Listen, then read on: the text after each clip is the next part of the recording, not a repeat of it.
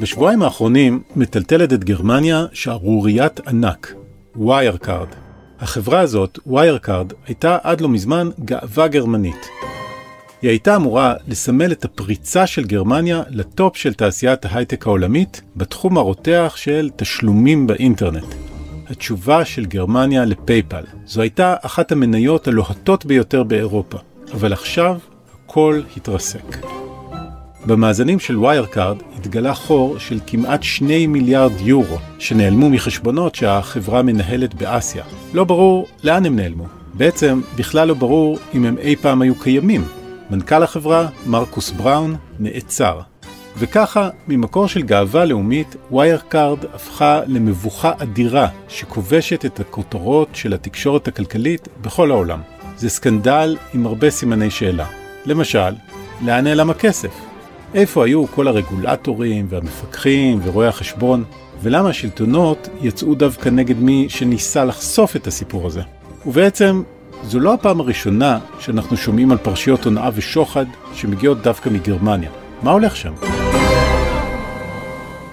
היי, אני אורי פסובסקי ואתם מאזינים לצוללת של גלובס. השבוע, מה קרה בוויירקארד ומה זה אומר על התרבות העסקית בגרמניה. מי שעוקב אחרי הסיפור הזה הישר מברלין הוא אסף אוני, כתב גלובס באירופה. היי אורי. היי אסף, מה נשמע? איך בברלין? אתם בסגר או כרגיל? לא, בברלין כבר שלושה שבועות שהסגר פחות או יותר מוסר, חוזרים לחיים הרגילים, יש עלייה במקרי הקורונה, אבל אה, אנשים לא מתרשמים מזה, הקיץ יותר חזק בשלב הזה מהקורונה. אבל הגרמנים כן מתרגשים ממשהו אחר, שערוריית ויירקארד. אז קודם כל, מה זה ויירקארד? מה עושה החברה הזאת? אז ויירקארד היא חברה גרמנית שעוסקת בתחום של תשלומים מקוונים, כמו שכולנו קונים באינטרנט, אה, גם מספקת אשראי, גם מספקת פתרונות סליקה, גם מנהלת את כל התהליך הזה שקורה מהרגע שבו אתה קונה מוצר עד שהכסף עובר לעסק, לפעמים אתה גם צריך להחזיר אותו. בניגוד לחברות האחרות שעושות את זה בעולם, כמו ויזה, מאסטרקארד, אמריקן אקספרס, פייפל, וויירקארד בעצם התמקדה מההתחלה בתחום הדיגיטלי, כלומר, היא לא הייתה צריכה להעביר את העסקים שלה מבתי עסק רגילים לבתי עסק מקוונים, ואומרים שיש לה טכנולוגיה מוצלחת, שהיא עשתה את הדברים בצורה טובה, שהיא חזקה באסיה, במיוחד בסינגפור. כל האמירות האלה כמובן נמצאות עכשיו קצת בשאלה, מכיוון שאי אפשר להאמין יותר למאזנים של החברה, ופה אנחנו מגיעים למה שקרה.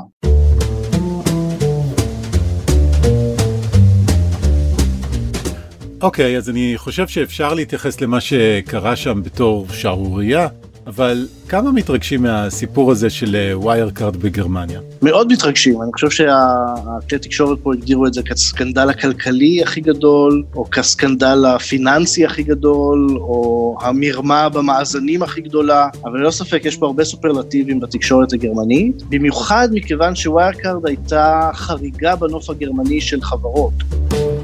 כלומר, גרמניה מאוד מפגרת בתחום שנקרא פה דיגיטליזירום. האינטרנט איתי, אין אה, טכנולוגיית אינטרנט גדולה, הכל מגיע הברית, לפעמים מישראל, לפעמים מאסיה, מסין, והיא הייתה מאוד גאה שחברה כזאת, שבעצם מתעסקת בתשלומים מקוונים, צמחה בגרמניה, פועלת בגרמניה, נסחרת בגרמניה, עד לרמה כזאת שהחברה ב-2018 הפכה להיות אחת מ-30 החברות שמייצגות את הדקס הגרמני, והעיפה מהמקום את קומרץ בנק, בנק ותיק שנוסד לפני, לא יודע, יותר מ-100 שנה.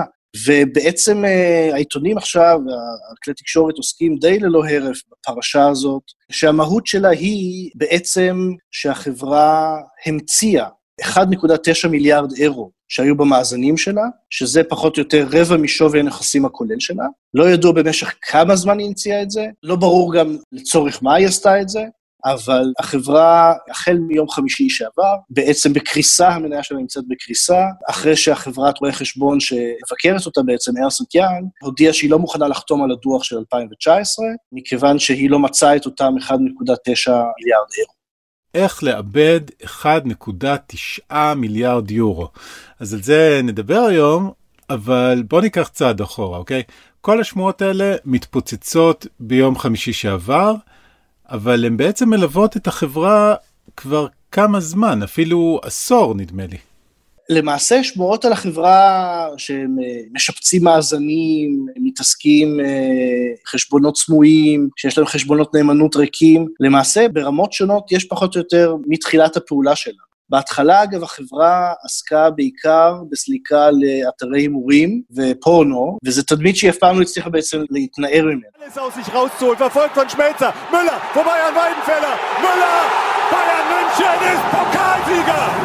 עכשיו בין הלקוחות שלה יש חברות ענק, כמו מועדון הכדורגל של ביין מינכן, כמו אפל, אבל ההתחלה שלה הייתה בעסקים מפוקפקים. היו גלים כאלה של שמועות, של דיווחים, של האשמות, אבל בעצם באופן פומבי ובאופן רשמי, מה שקרה זה שבינואר 2019 התפרסם בפייננשל טיימס תחקיר מבוסס היטב, שהתבסס על מצגות פנימיות של החברה עצמה, שאמר שבעצם בחטיבה האסיאתית, איפה שבאמת היו אמור להיות ה-1.9 מיליארד אירו האלה, יש אי סדרים, יש חשבונות נאמנות אה, לא ברורים, אה, ויש ניפוח של אה, הכנסות.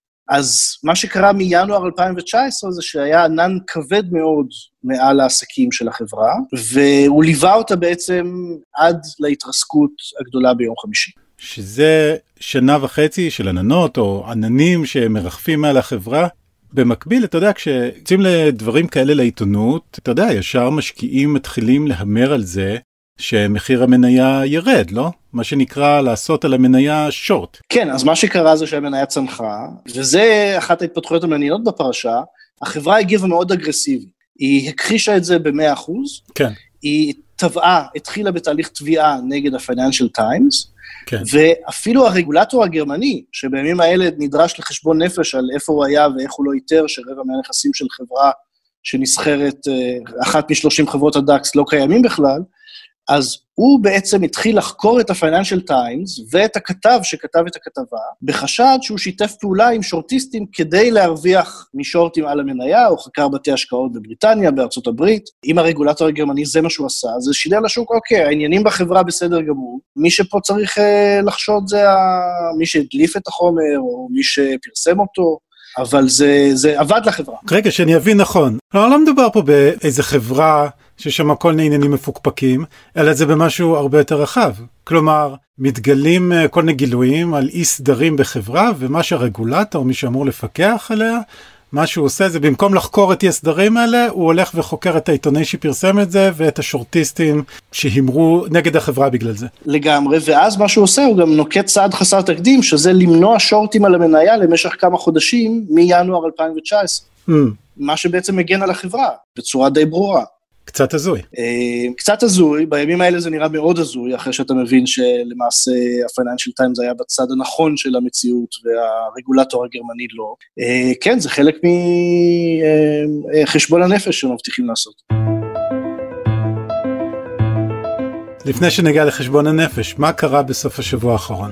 בסוף השבוע הדברים התנהלו די מהר. ביום חמישי באמת התפרסמה ההודעה הזאת של ארנסט יאנג, בסופו של אותו יום המניה קרסה ב-61 או 63 אחוז, הירידה הכי גדולה בהיסטוריה של הדאקס.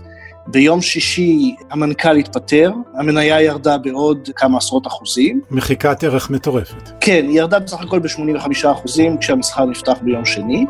וואו. ביום שני התברר שבעצם נפתחה בחקירה אה, נגד גורמים מסוימים, והסתבר שביום שני בלילה נעצר המנכ"ל של החברה, שבהתחלה האשים את כולם ואמר החברה נפלה קורבן למרמה, רמזו שהפיליפינים והבנקים הפיליפינים בעצם אה, לקחו את הכסף, או שמישהו בפיליפינים, איזה עורך דין שם, הוא זה שגנב את הכסף. בסופו של דבר, אה, מי שנעצר זה מנכ"ל החברה, אה, ש, שאגב, הוא הדמות הכי מרכזית בה, הוא זה שהוביל אותה מ-2002. כן. הוא גם היה Chief Technological Officer, הוא גם היה בעל המניות הכי גדול בחברה. כלומר, היה פה שילוב של אינטרסים שאולי סינוור אותו, אולי גרם לו לעשות את הדברים האלה, אבל הוא כרגע החשוד המרכזי, בניפוח שווי החברה. אני רוצה להתעכב איתך שנייה על משהו שאמרת קודם, ארנסטן יאנג אה, מודיעה בעצם אה, שהם לא מוצאים את הכסף במאזנים של החברה, אבל ארנסטן יאנג היא החברה, חברת רואי החשבון, אה, שליוותה את החברה לאורך השנים, נכון? נכון לגמרי, הם ליוו אותם במשך 11 שנים. ומה שקרה זה שכדי להזים את השמועות על האי סדרים, אז ויירקארד שכרו את KPMG, מתחרים של ארנסט יאנג, לעשות חקירה חשבונאית עם סמכויות חדשות והכול, והחקירה הזאת התחילה בסוף 2019, והסתיימה באפריל 2020, לפני חודשיים. כן. כש-KPMG בעצם שוברים את הכלים ואומרים, סליחה, אנחנו לא הצלחנו לעשות ביקורת חשבונאית כמו שצריך, כי לא הגענו למסמכים האלה והאלה והאלה, אין לנו מידע לגבי מיליארד אירו פחות או יותר, וכן הלאה. זה כבר דגל אדום שאי אפשר להתעלם ממנו, אז אחרי 11 שנים שהם כן התעלמו, בחודשיים האחרונים כנראה הם לא התעלמו מהסיפור הזה, וניסו לקבל הוכחות מהבנק בפיליפינים שיש, מהבנקים בפיליפינים, ש-1.9 מיליארד האירו האלה קיימים. הם לא הצליחו, מה שהוביל אותם לפרסם את ההודעה ביום חמישי ולפתוח את כל המשבר הזה. אבל אין ספק, הם עומדים בפני ביקורת מאוד מאוד חריפה, הם עומדים גם לפי הדיווחים בגרמניה בפני גל תביעות של אנשים שאומרים שהם התרשלו בתפקיד שלהם ושהם חייבים להם את כל ההשקעה שלהם חזרה. והם מגיבים על הסיפור הזה? בינתיים שום דבר, כל כלי התקשורת בגרמניה מנסים, בינתיים לא ראיתי תגובה מארסנט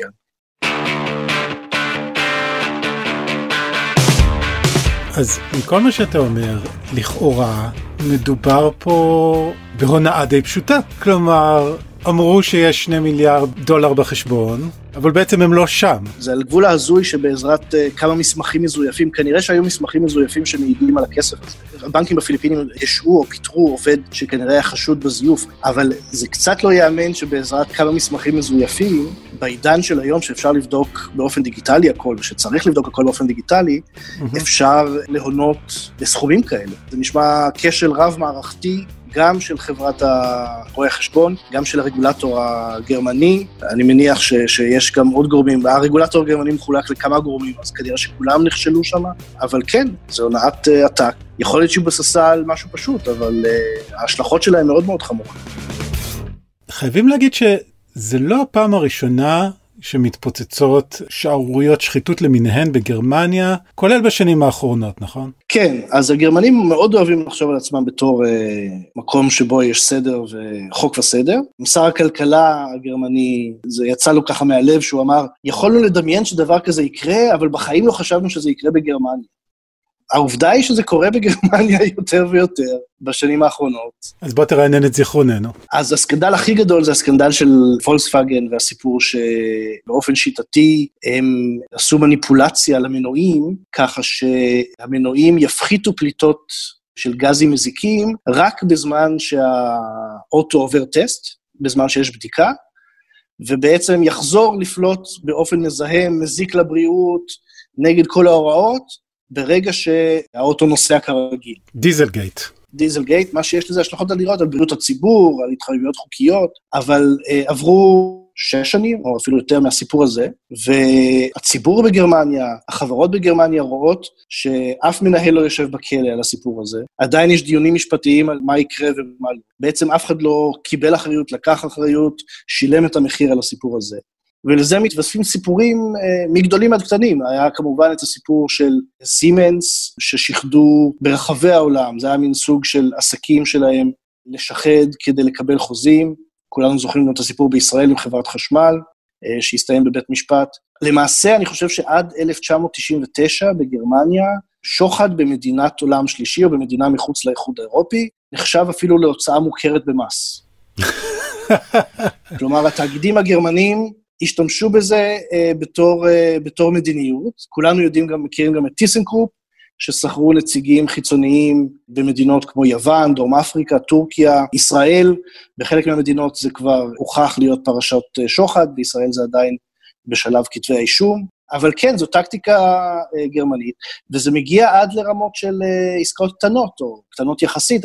היה סיפור לפני חודש של חברה מגרמניה שעוסקת בתחום ייצור הפלדה, שקוראים לה, אני חושב, וילהלם שולץ, שהמנכ"ל שלה ועובדים בה אה, ניפחו את השווי שלה בעזרת פוטושופ, והם עשו פשוט copy-paste לחשבוניות שהגיעו, ומכרו את החברה ב-850 מיליון אירו לחטיבה של וורן באפט. עבדו על וורן באפט. כן, על חטיבה שלו, כן, וניפחו גם את ההכנסות באמצעים מאוד פשוטים של זיוף מסמכים. ועכשיו יש דיון בבית משפט בניו יורק על האם הם יקבלו את הכסף חזרה או לא.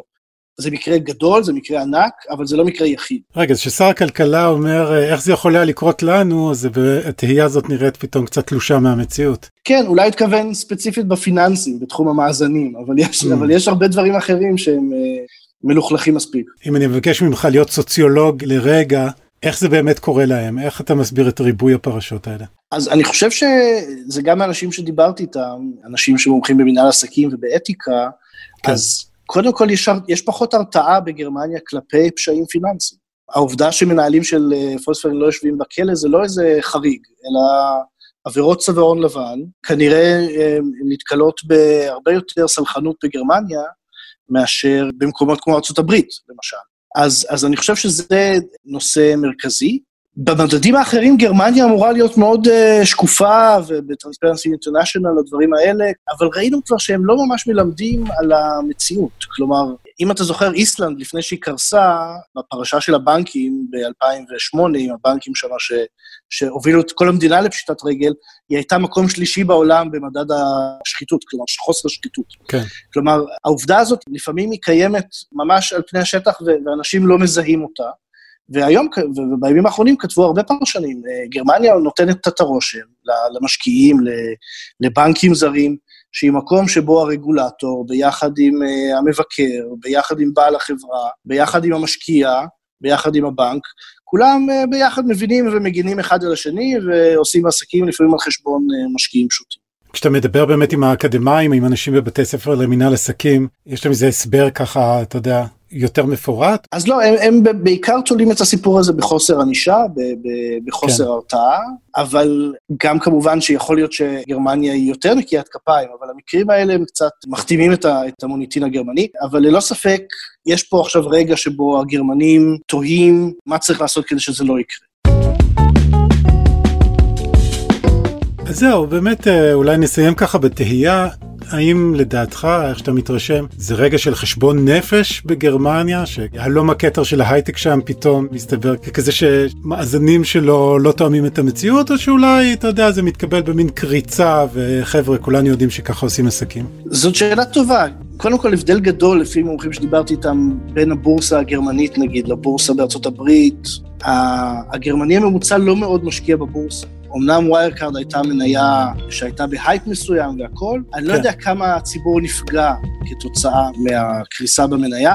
זה תלוי בכמה הציבור ייפגע, זה תלוי במה תהיה החקירה עצמה, מה יהיו הממצאים, איפה יהיו ההתרשלויות של הרגולטור. אם כל האשמה תהיה על חברת רואי החשבון, הגרמנים עצמם יוכלו להגיד, אוקיי, אז יש פה בעיה עסקית של ארנסט יאנג, אין פה איזה בעיה שלנו כסביבה עסקית. והגרמנים, אתה יודע, יש להם המון נהלים, הם כנראה רואים שהנהלים האלה לא עובדים. הם כנראה ישפרו את הנהלים שלהם.